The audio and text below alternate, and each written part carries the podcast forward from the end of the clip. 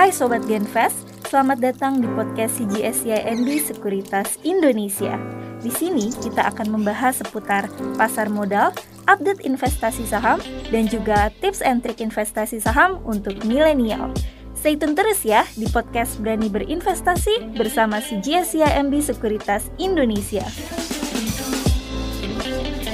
Hai guys, kembali lagi bersama kami di podcast Berani Berinvestasi bersama CGS CMB Sekuritas Indonesia.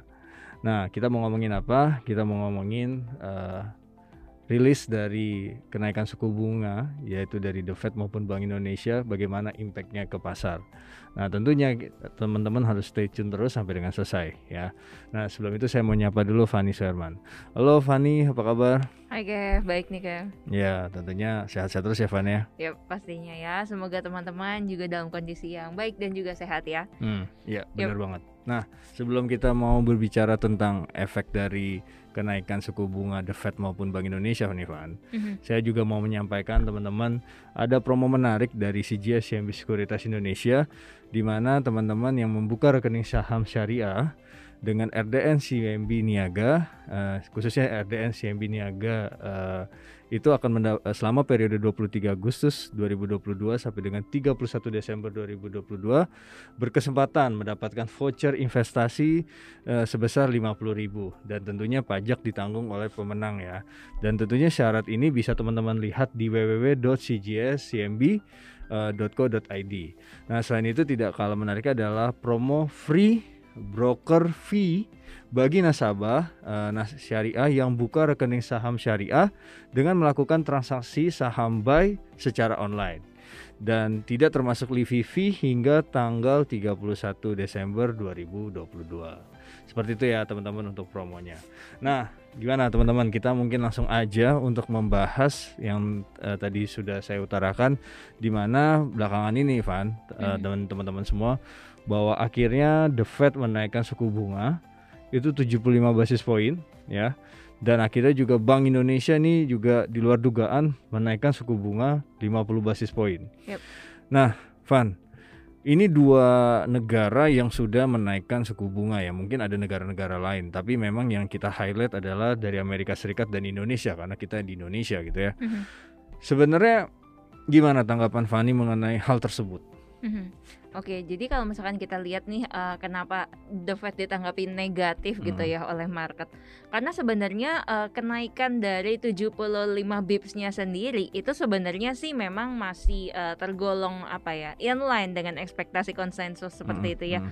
Nah, cuma mungkin yang ditanggapi negatif adalah uh, Powell mengatakan bahwa ada potensi nih dia untuk bisa menaikkan uh, suku bunganya lebih agresif lagi ke depan gitu ya. Hmm. Ini yang uh, sebetulnya ditanggapi uh, negatif oleh investor kira-kira seperti itu kan oke okay, Van nah kalau kita tadi Fanny bilang bahwa berarti di pidato itu bahwa ternyata uh, pidato dari Jerome Powell itu Mr. Jerome Powell itu bahwa akan lebih agresif ya uh, untuk menaikkan suku bunga mm-hmm. nah yang menjadi pertanyaan kita adalah kalau dinaikkan suku bunga kan nanti pertumbuhan eh, negara-negara atau negara Amerika ini mengalami penurunan atau bisa dikatakan resesi. Nah, ini gimana tanggapannya, Van?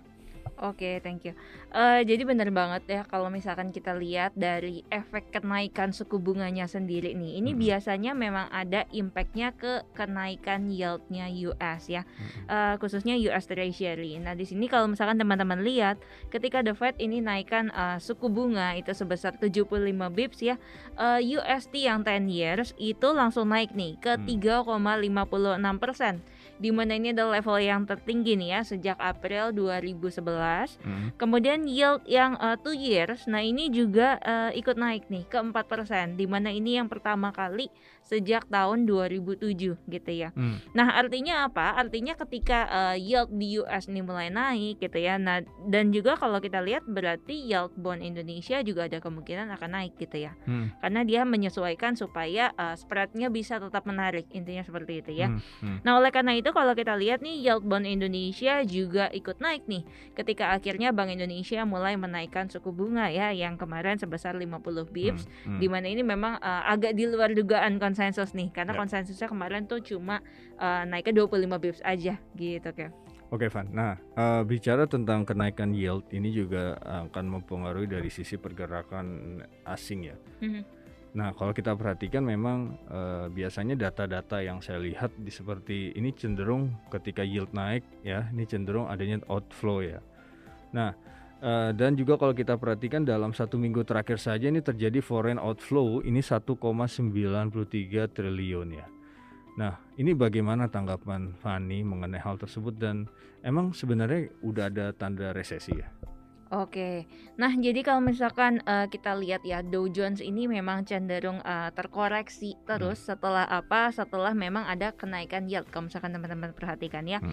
Lalu kalau kita lihat nih antara yield yang 10 years dengan uh, yield yang 30 tahun gitu ya, hmm. ini udah terjadi inverted gitu ya, di mana berarti yang uh, lebih uh, pendek jangka waktunya hmm. itu yeah memiliki yield yang lebih tinggi gitu ya. Yeah.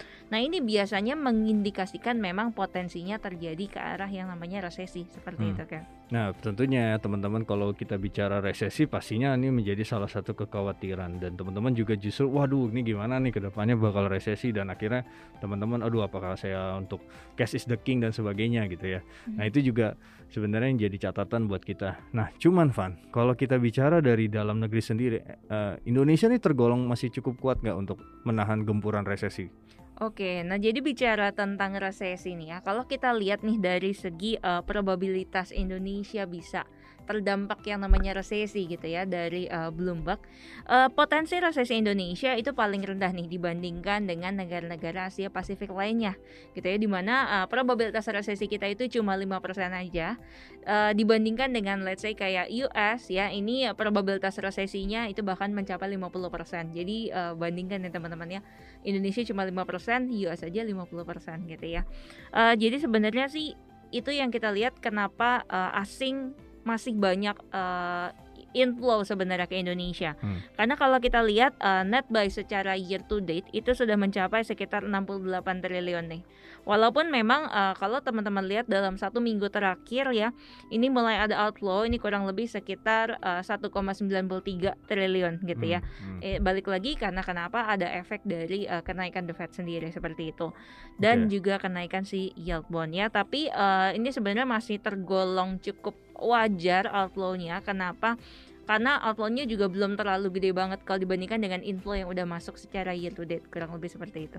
Oke, Van. Jadi tentunya teman-teman ya, tadi sudah diutarakan oleh Fani sebenarnya jangan terlalu khawatir juga karena dari segi Indonesia pun fundamentalnya masih cukup baik dan probabilitas resesi masih under 50% ya dalam tanda kutip tadi sudah diutarakan 5%. Sedangkan Amerika Serikat itu sekitar 50% ya, Van ya? Mm -hmm. Nah, yep. oke. Okay.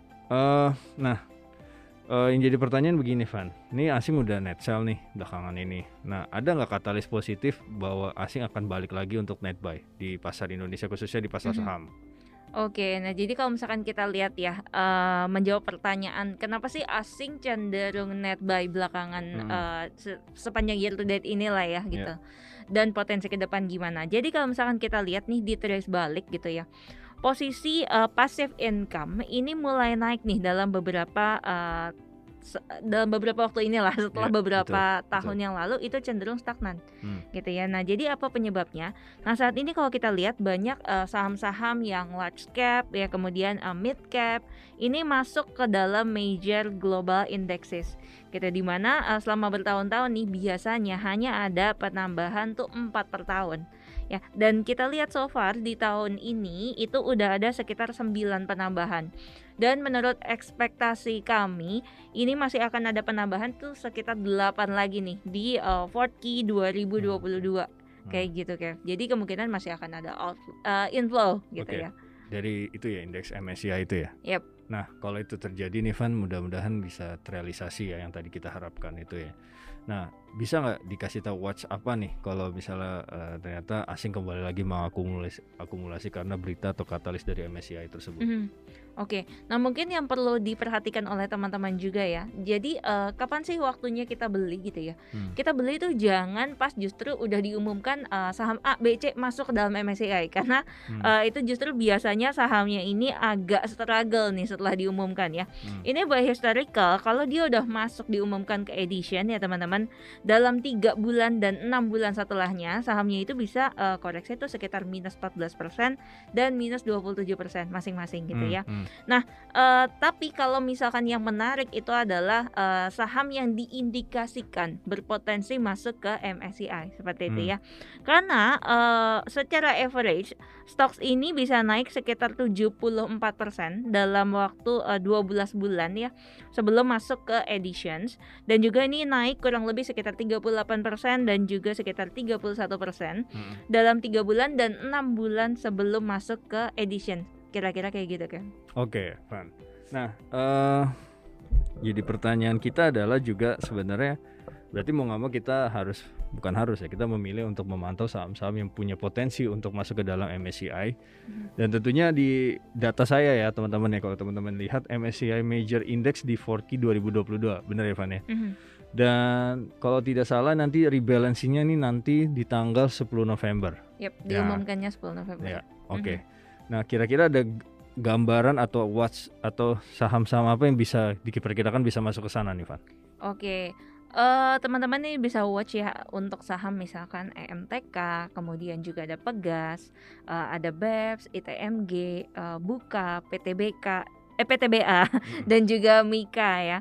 Ini yang uh, kemungkinan berpotensi masuk ke dalam uh, eh, MSCI. Yeah. Tapi kembali lagi ini semua masih estimasi teman-teman. Jadi uh, belum pasti ya saham-saham yang tadi disebutkan itu akan masuk ke MSCI gitu karena balik lagi uh, banyak persyaratannya nih sebelum benar-benar akhirnya bisa dimasukkan ke dalam uh, MSCI gitu ya. Hmm. Balik lagi nanti memang kita harus ngelihat uh, pergerakan harganya sampai dengan saat mau diumumkan uh, masuk. Nah, itu dia bisa uh, uh, masuk ke dalam kriteria nggak nih bisa add ke MSCI kurang hmm. lebih seperti itu sih Oke, thank you banget Ivan ya atas sharing-sharingnya ya Van ya.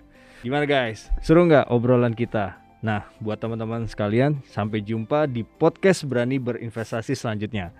Nah, supaya kalian tetap berani berinvestasi. Kalau tidak mulai dari sekarang, kapan lagi? See ya. Bye.